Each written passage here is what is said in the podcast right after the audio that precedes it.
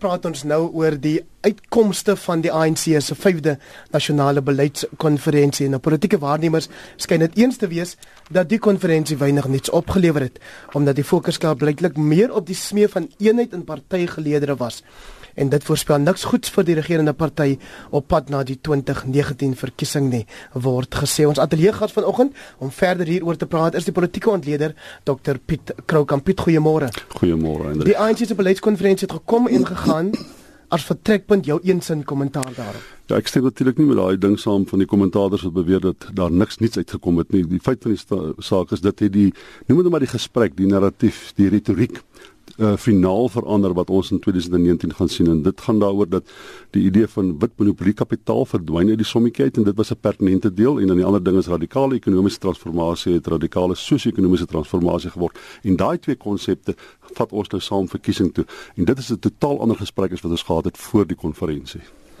Ons het nog geluister na die bydrae waar Anita met professor Willie Breitenberg gepraat het oor die SHKP wat hulle kongres vandag begin. Mense het nie regtig die idee gekry dat by daai beleidskonferensie dat die SHKP baie prominent was nie of is dit maar net omdat ons nie toegang tot die gesprekke gehad het nie. Nee, kyk, jy kon by die beleidskonferensie kon jy iets sê, maar jy moes dit as 'n ANC lid sê. Jy kon dit nie sê as 'n lid van die kommunistiese party nie, soos jy onder andere lid van die kommunistiese party was, moes dit toevallig gewees het. Die uitkomste, jy het verwys na 'n wit monopolie kapitaal wat nou net monopolie kapitaal is. En dan was daar ook die afskeid van voorstelle oor grond en onteiening sonder vergoeding. Die word alles as 'n sogenaamde Ramaphosa oorwinning beskou as dit so eenvoudig. Ehm um, ja, ek dink is in, in 'n sekere sin is dit so eenvoudig, maar ek dink dis meer as dit dit gaan oor 'n uh, uh, daar's twee faksies en nie een van hierdie twee faksies het noodwendig die identiteit van of Ramaphosa of die president nie, want on, jy moet onthou dat beide van hierdie faksies moet eintlik nog besluit wie hulle kandidaat is. Dit is heeltemal moontlik dat die faksie wat nou die Ramaphosa faksie genoem word, kan besluit hulle wil eerder vir Mkhize hê byvoorbeeld. Uh daai besluit is nog nie finaal geneem nie, maar dis twee twee uh, opponerende of vergelykbare narratiewe of gesprekke wat vaardig is binne die ANC. Ek dink mense moet dit nie vervlak tot twee individue nie. Ek dink daar's twee baie pertinente gesprekke wat die toekoms betref van die ANC. Hoe wen ons 'n verkiesing? Watter gesprek moet ons voer? Hoe moet ons beleid lyk? Want ons het gesien in die laaste verkiesing, het 3 miljoen mense besluit om nie te gaan stem nie en hulle het nie gaan stem nie omdat hulle nie vrede het met ons beleid nie. So ek dink die ANC is inderdaad op een of ander manier moet hy 'n beleid formuleer wat mense weer terug by die stembus by die stembus gaan kry.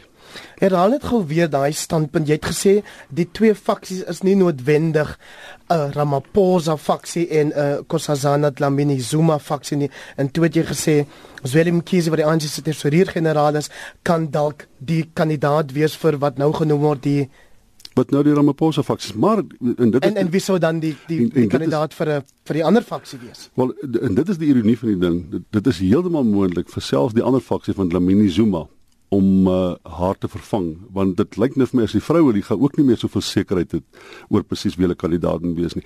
En ons moet ook onthou hierdie by hierdie beleidskonferensie was die stryd gevoer tussen Jacob Zuma en Cyril Ramaphosa in 'n sekere sin, minstens wat die openbare verhoog betref. Waar was Dlamini Zuma gewees? Want eintlik die die volgende verkiesing betref gaan dit oor Dlamini Zuma en Ramaphosa as ons dan nou daai narratief deurtrek. So die vraag is, hoekom uh het Jacob Zuma gelyk asof hy 'n kandidaat is in die volgende verkiesing. Wel, hy het ander intensies. Hy moet probeer om sy nalatenskap so te kry dat hy polities kan oorleef uh, en in die howe uit kan bly.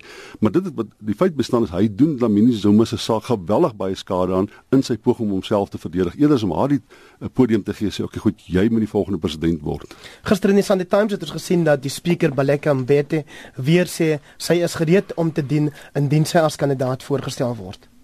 Ja, ek sy sy sy, sy sal 'n geruime tyd as sy beskikbaar onthou uh, Jacob Zuma het aanvanklik aan haar beloof dat sy die volgende uh, uh, adjunkt president gaan wees en dat dit noodwendig in terme van die logiese opvolgstryd sal beteken dat sy die president word van Suid-Afrika.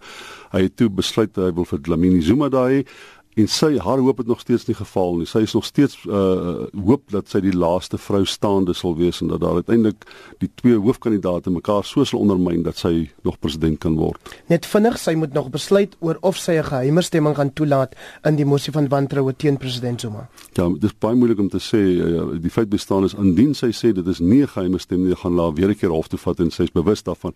So wat sy probeer doen, sy probeer 'n indikasie kry van of daar genoeg lede in die in die caucuses van die ANC om uh, uh die president te beskerm en sy gaan uh uh waarskynlik 'n geheime stemming roep as sy daardie daai gevoel het dat dit so is. En sy sal intussen sal sy seker maak dat uh, Gwedi Mantashe die caucus besoek die laaste keer toe hulle oor grondhervorming moes gestem het of artikel 25 van die grondwet se verandering moes gestem het. Gwedi Mantashe net voor die uh, caucus uh, vergadering het hy ingestap en hy het al die lede van die caucus van die ANC gekry om teen die verandering te stem terwyl minstens 'n derde weet ons van die ANC lede was daarvoor dat die grondwet wel verander moet word.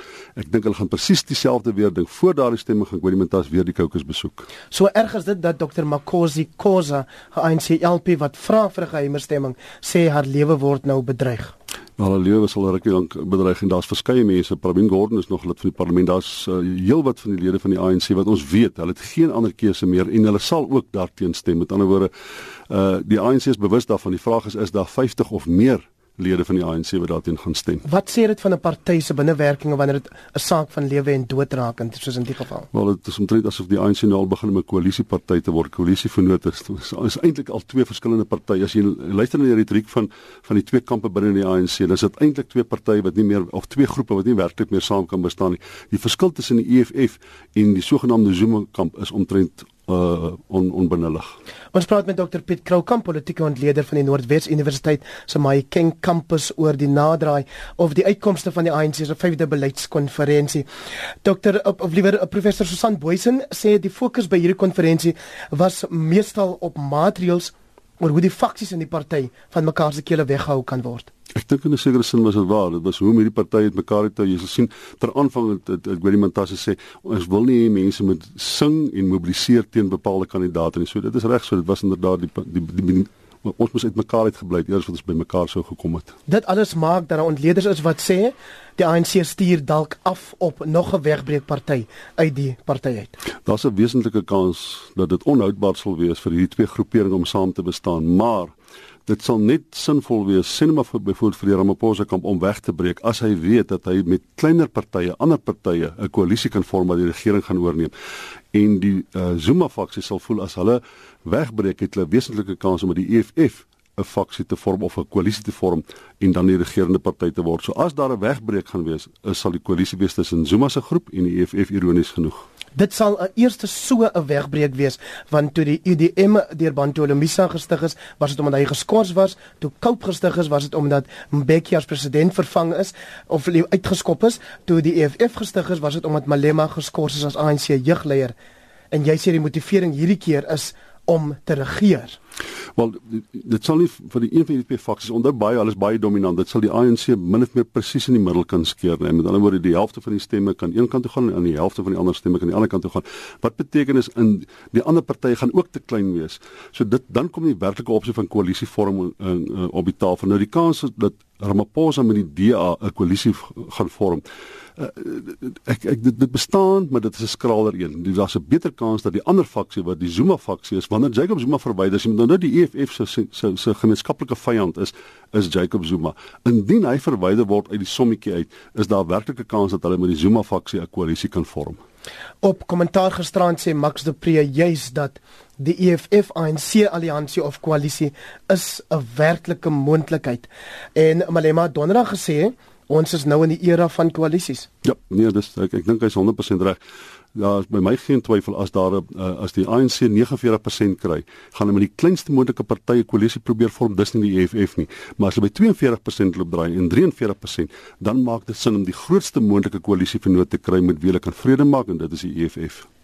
Malema lyk meer daarom meer goedgesind. Hy sê die ANC sal seker so 52, 53% in 2019 behaal. Maar die vraag ontstaan dan ook Piet Kroukamp, hoe sterk is die samewerkingsooreenkoms tussen die EFF en die DA na verlede jaar se plaaslike verkiesings as hulle glad nie lyk my 'n rol speel in die 2019 scenario met die EFF nie. Die rede hoekom die EFF nie met die DA 'n koalisie gegaan het, is baie logies en dit is hulle beleide verskil van so 'n aard dat dit nie moontlik is vir die EFF om 'n koalisie regering te verkoop aan die mense wat vir hom gestem het nie.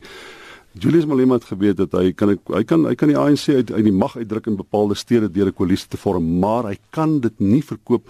Jy moet onthou sy mense is primêr mense by die wit monopolie kapitaal tema verkoop het.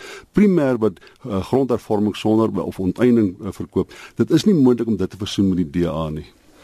Nog Gupta beweringe in die Sondagpers sal die president ooit die erns hiervan besef en as staatshoof uitpraat hieroor waaroor moet hy uitpraat oor die Gupta die staatskap Die staatskap wel hy hy hy hy selfs gesê dat dit moet ondersoek word asof hy nie betrokke is daarbey nie. Hy het self gesê korrupsie moet ondersoek word asof hy nie daarbey betrokke is nie. So ek ek dink die party die, die president hy dit is 'n interessante ding van hulle hulle noem dit die Dunning-Kruger effek. Dis wanneer iemand nie besef wanneer jy verkeerd is en wanneer jy het nie die die logiese begripsvermoë om te besef hoe verkeerd jy is nie. Die Black First Land First spook loop steeds. Dr Leon Schreiber het gister 'n rapport geskryf daaroor en dit bestempel as die opbloei van fasisme stem hy saam. Ja, want dit is nie die opbloei van swart nasionalisme nie, is ook nie die opbloei van swart bewussyn nie. Mens moet baie versigtig wees. Uh, swart bewussyn uh, soos wat Steve Biko dit verkondig het in die tipe van noem dit nou maar diktatuur wat uh, wat wat Blackland First verkondig het niks mekaar ideologies te doen nie. Gelukkig ook Blackland First probeer nie inkoop op op op op daai uh, die die die noem dit nou maar die ideologie van swart bewussyn nie. Dink jy die media gee suurstof aan iemand soos Andile Nkutama deur onderhoude met hom te voer of te berig oor sy manewales? Wel, jy moet onthou hy het altyd die opsie van geweld en die opsie opsie van aggressie en daaroor sal die media altyd reflekteer. Indien hulle nie dit doen nie, dan sal sal hulle verdwyn van die van die van die politieke gesprekke van Suid-Afrika. Dit is hoekom hulle by joernaliste se huis opdag. Dit is om die maksimum blootstelling te kry. En ongelukkig dink ek die media moet daaroor berig. Dit dan Dr Piet Kroukamp hy doseer politieke teorie aan die Noordwes Universiteit se Mahikeng kampus net vanoggend kom praat oor hoe die politieke landskap vandag in Suid-Afrika lyk.